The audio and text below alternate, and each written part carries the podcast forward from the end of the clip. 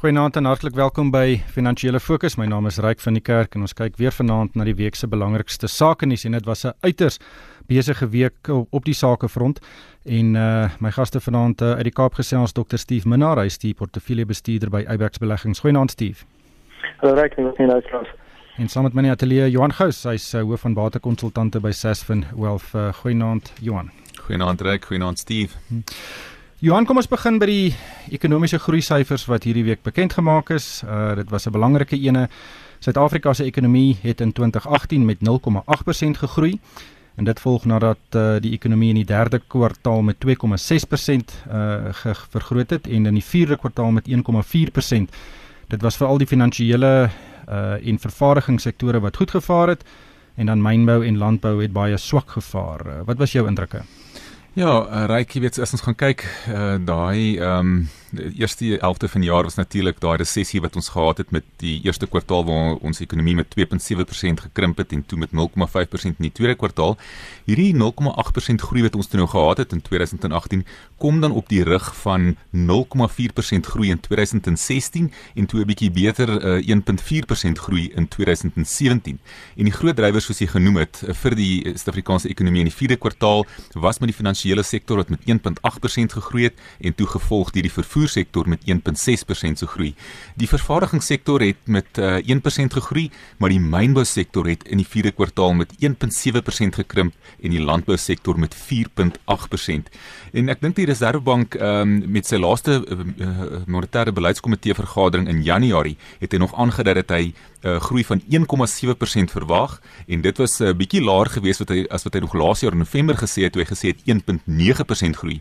Maar die groei verwagtinge vir 2020 2020 deur die Reservebank bly nog by 2% en ek dink net reik alle oë gaan op die monetêre beleidskomitee se vergadering later in Maart wees met Moody's die kredietgraderingsmaatskappy wat sy jongste kredietgradering dan uh, vir Suid-Afrika die dag net daarna sal aankondig. Ja, Steve, ehm um, 0,8% is nie baie nie. Ehm um, en almal gaan vir jou onmiddellik sê ons het 3, 4, 5% nodig om werksgeleenthede te skep en en Suid-Afrika se ekonomie weer noord te laat draai, maar as mens nou uh weet kyk holisties na wat die 0,8% verteenwoordig, ons is deur 'n geweldige onstuimige politieke omgewing en uh, ons is deur 'n inter, internasionaal het ontleikende markte ook verlede jaar maar pak slaag gekry. Uh is hierdie 0,8% aanvaarbaar? Uh hoe hoe moet ons dit in die konteks sien van waar in hierdie groei gelewer is? Ja, ek is baie duidelik Jan en dit dink ek het mooi verduidelik wie daar die verskillende komponente vanaal kom en veral landbou het besonder sleg gedoen het en die laaste kwartaal weer 'n groot gedeelte van die land wat op ernstig droog is. Um, ek dink Elna Moma het altyd 'n soort van 'n maklike syfer wat genoem sy sê 2.5% is die lyn in die sand waar ons moet fokus of waar ons moet fokus. As ons nie 2.5% per jaar groei nie, moet ons elke jaar meer leen. As ons vinniger as 2.5% kan groei, dan kan ons ons skuld geleidelik begin terugbetaal. So dit is dis die een syfer weet wat ek dink ons almal moet onthou. So enigiets onder 2.5% beteken ons boer agteruit. Ons moet meer geld leen net om stil te staan en dit is dis is geweldig kommerwekkend vir die vir die langtermyn. So nog maar is, is definitief goed maar as jy net reg sê die laaste kwartaal was 'n geweldig moeilik geweest wêreldmarkte het het regtig al gestemel. Ehm um, sy sê politiek is is weet is oor vir die Israel ehm um, en dan ook net weet mense weet nie waartoe hulle gaan nie. Hulle weet nie wat gaan gebeur met Amerika en China se tariefoorlog of potensiële tariefoorlog nie. So dink jy kry se afgevoer amper staan 'n bietjie terug en sê ons wil belê, ons wil iets doen, ons moet iets doen, maar ons is net nie nou seker nie so ons kan nou enigiets vir langer beplan of vir langer bly nie en uh, ons ons staan ons 'n bietjie terug en dit is eintlik baie sleg, weet as as, as mense nie direk geld investeer nie as hulle onseker is want um, dan gebeur net niks en alles word net verder uitgestel en nou weer ons meer geld en groot die diep net net. Ja, dit is uh, daar's eintlik baie meer winde wat teen ons waai as wat van agter af waai. Maar Johan, um, ons het ook hierdie week gesien die ehm um, sakevertroue indeks van die Suid-Afrikaanse Kamer van ehm um, Koophandel is op sy laagste vlak in uh, in 'n hele paar jaar, eintlik in in 6 maande en dis nou al vir 3 agtereenvolgende maande laer. En dit is natuurlik een van die kritieke goed ehm um, wat ons moet verbeter. Uh, en dit is dat die private sektor glo in die toekoms van Suid-Afrika en hulle is dus bereid om geld te belê in nuwe besighede, nuwe ondernemings, nuwe fabrieke, uh, nuwe plase, nuwe myne en dit is die enigste manier hoe ons regtig hierdie skip gedraai gaan kry. Uh, Dink jy daar is enige vooruitsigte na die verkiesing dat dan sake vertroue daarom bietjie kan verbeter? Ryk as ons so 'n bietjie meer politieke stabiliteit kan kry, as ons so 'n bietjie meer beleid sekerheid kan kry en as ons werklik vordering kan maak oor hoe ons hierdie Eskom kwessie gaan aanspreek, dan is die potensiaal daar vir die vir hierdie groot hoeveelheid kontant waarop ons uh, maatskappye in Suid-Afrika sit. Ons praat van amper 'n triljoen rand waarop hierdie maatskappye sit op hul balansstate wat reg is om belê te word. En op hierdie stadium kyk baie van die maatskappye nog steeds na die buiteland en ons sien hoeveel van hierdie maatskappye het hulle vingers gebrand in die buiteland want hulle verstaan nie noodwendig presies die dinamika daar nie. So dit sal beter wees vir daai maatskappye om daai kontant eerder hierso te aan te wend en daai vaste investerings wat ons nodig het om die kapasiteit van ons ekonomie te groei sodat ons die 3 na 5% groei kan kry. Maar Steve, dis nie net jou groot genoteerde maatskappye wat hulle beursies met oopmaak en begin belê nie. Ek ek dink die grootste impak kan kom van kleiner ondernemings, ondernemings met 4 of 5 werknemers wat eh, 'n uh, restaurant bedryf. En jy wil hê daai restauranteur moet positief wees en nog 'n restaurant oopmaak. En die oomblik dit kan natuurlik daai sneeubal baie baie vinniger laat vorm. Maar ek het nou die naweek met 'n hele paar mense gesels en die die die vooruitsigte wat baie entrepreneurs het is maar baie baie negatief en hulle hou my elke sent vas wat hulle kan. Ja, nee, dit is dit is baie moeilik. Ek ehm ek ek nie altyd die lekte insig wat wat in elke sit ekonomiese afdeling gebeur om te entrepreneurs maar jy sê dat baie mense vir geld terug het, maar dan moet ek ook vir luister sê ek was toevallig gister by die um, animasiefees in die Kaap is internasionale fees vir mense wat kortfilms maak, langer films, enige animasie bedryf. En dit is ongelooflik. Die industrie is ons ons skool sê dat die industrie kook. Ehm um, hulle is besig om geweldig werk te skep. Is 'n hele paar maatskappye wat beweging gebring het die laaste paar jare doen werk vir vir buitelandse maatskappye. Ehm um, hulle produkte, hulle die die die die spesifieke insette wat hulle lewer word vir hoog aangeskryf. En uh, ek het daar was 'n klomp jong studente en almal jong, so sê eh, ehm uh, um, studente met blink oë wat vertel hoe maklik hulle werk. Ehm um, dis spesifieke animasie verdrewe universiteite of of of colleges waar hulle studeer. En hier is skielik 'n industrie waar mense eintlik andersins niks weet nie. So, mense vind ook nie weet te swart gallig raak as jy mens party van die groot sake sien nie. Daar's wel uh ons sien 'n noodkeer bid. Jy weet daar's baie keer onder hierdie nood onder hierdie swak omstandighede is 'n ander industrie wat aan tevore kom en eintlik besonder goed doen. Ek weet ek kry elke dag by Capita, dis 'n groot uh Londense maatskappy wat ehm um, inwerkings doen. Hulle gebou word nog elke jaar slaslik stukkie by. En met die groei Suid-Afrika en dit is dis buitelandse kliënte wat hulle diens hier sou Kaap het. Ja. Nee, daar is uh, verseker suksesstories en en miskien moet ons dit meer vertel. Ehm um, en en natuurlik uit entrepreneurskap uit uh, uit 'n entrepreneursperspektief uit is daar baie geleenthede in Suid-Afrika. Ehm um, maar Johan, kom ons kyk na Eskom. Ehm um, daar was vandag 'n artikel in die Financial Times uh, in Londen, 'n baie baie lang en in uh, gedetailleerde artikel oor oor Eskom en die dit het basies daarop neergekom dat uh, Eskom is 'n geweldige risiko vir Suid-Afrika uh beide in die perspektief van die lewering van elektrisiteit vir die ekonomie en ook die risiko wat dit vir ons uh staatsfinansies inhou. Um en uh, ons het 'n tariefverhoging gesien van uh, amper wel meer as dubbel die inflasiekoerse hierdie week. Hoe hoe sien jy die alles hierdie in in, in perspektief? Ja, so Nersa het hierdie week uh, 'n verhoging van 9.4% goedgekeur nadat Eskom gevra het vir 17.1% vir die volgende jaar. En mense moet seker dankbaar wees dat omtrent net helfte van wat Eskom voorgevra het goedgekeur is, maar die feit bly ryk dat verbruikers, huishoudings, besighede hierdie addisionele las gaan moet dra en dit uiteindelik ook tot hoër inflasie sal lei, soos wat almal in die waardeketting hulle marges probeer beskerm. Net om dit in perspektief te plaas, elke 1% verhoging in die tarief beteken 2 miljard rand wat uit die sakke dan gaan van besigheid en verbruikers. En in 2007 het Eskom gevra vir 18% verhoging. So hierdie tipe van verhogings kom al 'n lang tyd en toe die bom nou behoorlik in 2008 uh, bars, toe is daar 'n versoek vir 60% gewees waarvan hulle toe net 27.5% gekry het. Maar daar's baie mense ryk wat sê dat elektrisiteitspryse moes eintlik jare gelede reeds al met net bietjie meer as inflasie toegeneem het en dan toe sien nou nodig gehad om na hierdie ehm um, tipe van verhogings te kyk nie. Maar die feit bly dat swak beplanning en korrupsie um, Suid-Afrika oor jare met 'n massiewe krag en fiskale uitdaging gelaat het. En nou sit jy met 'n situasie waar Eskom nie uh, meer uh, inkomste gaan kry nie en dit kan daartoe lei dat die ekonomie uh, dan is verder lê onder beerdkrag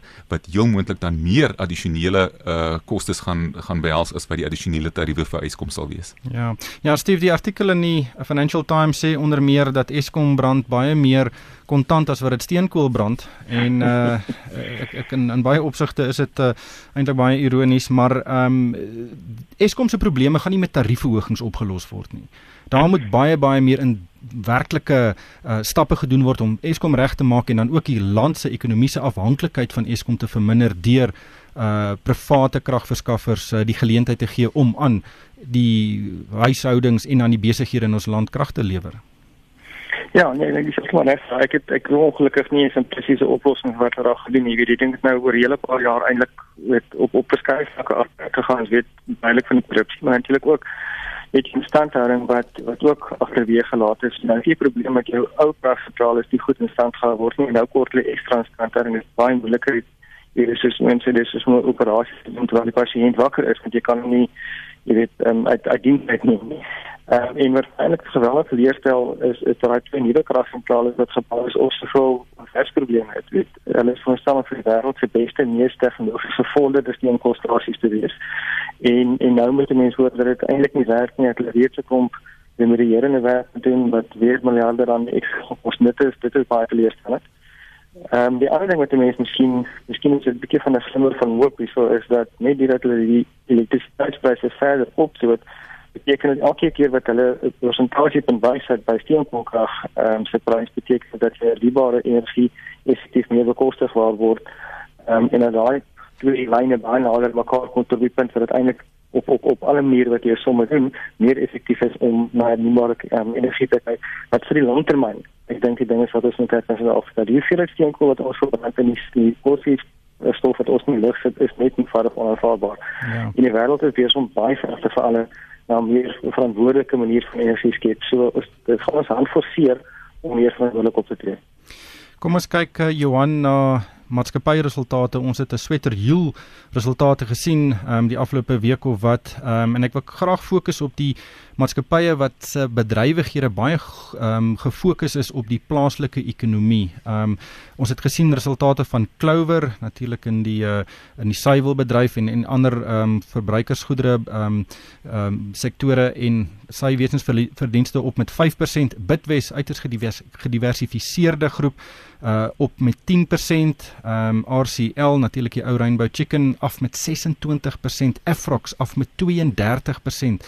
Uh Marion Roberts uh, af met 2%, ehm um, maar dit maar hulle ons doen nog steeds geweldig baie sake in die infrastruktuurbedryf. Hoe hoe hoe sien jy hierdie resultate in die konteks van die 0,8% groei wat ons nou verlede jaar gesien het? Ja, ek weet ek dink dit raak op 'n van die dag baie maatskappy spesifiek. Ehm um, en ek, die vraag is miskien kan dinge nog slegter raak voordat dit gaan beter raak. Ehm um, ek dink baie weet van in die maatskappye daar's daar's baie goeie redes hoekom van hulle uh, sukkel. En ek dink die een punt wat uitkom is as jy nie 'n gediversifiseerde maatskappy gehad het nie dan het jy heel moontlik moeilikheid opgetel in baie van die sektore. En ons weet konstruksie byvoorbeeld is eene wat deur 'n baie moeilike tyd gaan. Hierdie week het ons nou weer gesien daar's van die banke wat nou so 'n bietjie weer beter gedoen het. Standard Bank en Nedbank nie te sleg nie. Ons sal môre hoor wat sê Absa en oormôre wat sê First Rand. Maar ehm um, dit is so, dit is baie dit is baie sektor spesifiek en ek dink baie meer maatskappy spesifiek in terme van die vooruitsigte. En daar's nie altyd noodwendig 'n direkte korrelasie tussen wat met die ekonomie gebeur en met 'n spesifieke maatskappy gebeur nie, maar dit hang af van waar hy meeste van sy verdienste is vandaan kry. Hmm. Steve, hoe hoe sien jy die die prestasie van hierdie maatskappye in ons in ons ekonomiese konteks? Ek dink ja, net jou paar reg hier, dit is dit is moeilik om te sê jy moet jy moet hartlik vir elke rand wens wat jy wil maak en uh diversifikasie definitief help. Ehm um, maar dit is ook nie baie maklik nie, weet ek. Kyk nou hierdie week Standard Bank en, en Nedbank se resultate was baie beter as gevolg van hulle filiale in Afrika wat eintlik die prestasie van Suid-Afrika wat so so was eintlik baie beter dit lyk. Like, En terselfdertyd het jy het jy besighede soos MTN wat in groot moeilikheid gekom in die laaste paar jaar as gevolg van hulle afhale of filiale in in Afrika. So dit is nog nie daar's ook nie 'n baie eenvoudige resep wat jy kan volg nie. Jy moet maar weet wat jy doen met die besigheid en um, en en al daardie vir elke sent.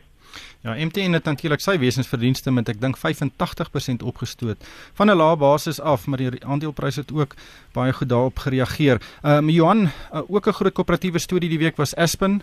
Ehm um, die aandelepryse is absoluut bloedneus geslaan en dit word uh, Aspen word selfs met Steinhoff vergelyk. Ja, dit wil lyk of daai Steinhoff spook net nie wil gaan lê in die ryk en nou uh, word daar net soos uh, met Resilient vroeg laas jaar en ook onlangs met EOH word 'n vergelykings getref met uh, Steinhoff. Maar Vrydag het het Aspen se aandelepryse op 'n stadium met soveel as 50% gedaal en toe nou 29% laer gesluit. Hierdie aandeel is nou net hier by die R100 en hy's nou 77% laer as in sy piek in Januarie 2015 op R430. Die ooreenkoms ryk tussen Steinhoff en Aspen is wel dat albei maatskappye oor jare 'n geweldige oornameveld uh, op 'n uh, oornameveld gegaan het wat Aspen nou met baie skuld gelaat het. Aspen sit nou met belange in 56 lande en met 53,5 miljard rand se skuld. En die die vertraging in die verkoop van sy baba melkbelange in Frankryk wat nou reeds uh, in September laas jaar aangekondig is, help nou ook nie en ek hulle wag nou vir daai opbrengs van daai belange van omtrent so 10 miljard uh, miljard rand. En Steven Saad, die hoofuitvoerende beampte, verwag uh, dit sal Aspen so wat 2 jaar neem om weer na aanvaarbare skuld uh, vlakke te beweeg en uh, die sakeomgewing um, help Aspen tans ook nie en mense sal moet sien of Aspen se bestuur dalk nie weer na die mark sal moet teruggaan vir addisionele aandele wat uitgereik moet word nie. Ja, eintlik 'n ongelooflike storie wat homself daar uitspeel. Maar Steve, um, ons het gesien die mark het hierdie week baie ernstig en en en heftig gereageer op verrassings. Ons het gesien MTN se pryse het gestyg, maar ons het ook gesien Tonga het Hewlett se pryse het uh, is ook uh, met 'n knippel geslaan soos Aspen sin um, 30% laer uh, op uh, nuus dat daar die die resultate dalk weer geherpubliseer moet word. Uh, hierdie reaksies is is wesentlik. Ja, nee, dit is dis definitief en en en, en ek het baie lank lank nie ooit Suid-Afrika se groot prysreaksies gesien. Maar net is miskien alles nog net mense nou nie alles terugtrek na staan of nie. Ek weet ook vir afneemde maatskappye wat groot skommels gesien het, het ek ek ek, ek dink nie nou ons wenner korrupsie of onderduimse besighede nie, maar is miskien soos Jan sê, hulle het self net 'n bietjie te ver gestrek in terme van hoeveel skuld wat hulle aan en hoe dinge hulle self gesprei het reg oor die wêreld. Ehm um, maar nie weer van in 'n produk nie, miskien 'n bietjie voor ambisieus met baie van die pogings. Net wat gebeur in die mark en in die geval van weet ons as as as waterbestuurders wat dan institusionele kliënte moet verantwoordelik doen. Ehm um, ek dink ons almal se risiko ehm um, gewaarwording is definitief hoër as wat dit as wat dit jare weet of of in die verlede was. Ehm um, jy weet jy kan miskien nog een of twee keer vir 'n kliënt begin verduidelik oor uh jy weet iets wat heeltemal uit die blou tyd gebeur het of 'n maatskappy wat ehm um, in moeilikheid gekom het met te veel skuld maar as jy dit vir die tweede, derde, vierde keer moet gaan verduidelik, gaan die kliënt definitief begin vra ons oor jou vermoë om om goeie aandele te kies. So dit mense het definitief 'n bietjie uh, fight for in terme van wat ons sien in die koöperatiewe bedryf en en daarom is ons is ons risiko net of of of ons appetite vir risiko net so veel minder.